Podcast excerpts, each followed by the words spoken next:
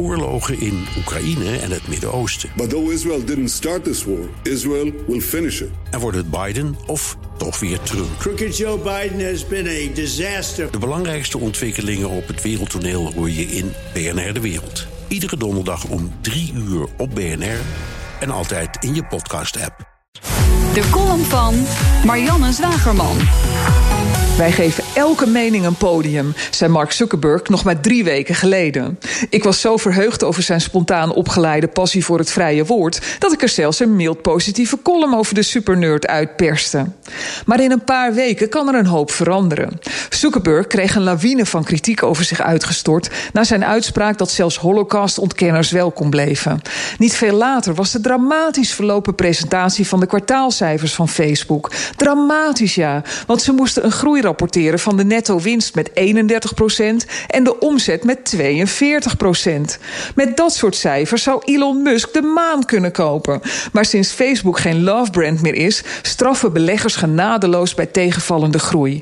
Er verdampte in één dag 120 miljard dollar aan beurswaarde. Het grootste verlies ooit voor een Amerikaans bedrijf. Mark verloor zelf 17 miljard en daalde naar de zesde plek van rijkste mensen op aarde.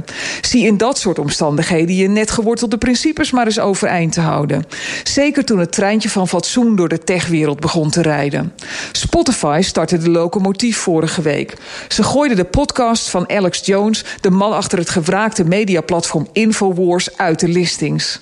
Apple deed hetzelfde. En YouTube sloot het kanaal waarop 2,4 miljoen mensen zich hadden geabonneerd.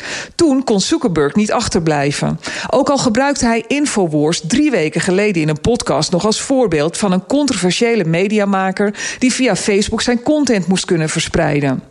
Zuckerberg zou pal staan voor de vrijheid van meningsuiting, maar realiseerde zich niet hoe slecht dat was voor zijn business. We leven in een tijd waarin mensen monddood en brooddood gemaakt worden. De Volkskrant werd bedolven onder kritiek vanwege een interview met een eendagspoliticus die zelfs voor de PVV een beetje te wild was. Schande dat de keurige krant een podium bood aan zo'n extreem rechtse foppoliticus.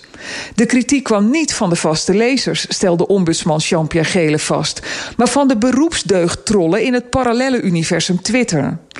Twitter, Facebook, Spotify en YouTube waren bedoeld om mensen een eigen podium te geven, zodat je geen krant meer nodig had.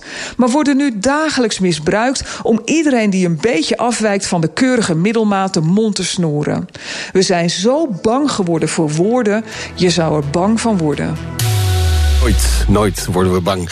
De column van Marianne Zwagerman lees en luister je terug op bnr.nl en in de BNR-app. Ook Diana Matroos vind je in de BNR-app. Ja, inderdaad. Je kunt live naar mij luisteren tijdens de Big Five. Ook handig in de BNR-app. Breaking nieuwsmeldingen, maar ook het allerlaatste zakelijke nieuws. En je vindt in de app alle BNR-podcasts, waaronder Wetenschap Vandaag. Download nu de gratis BNR-app en blijf scherp.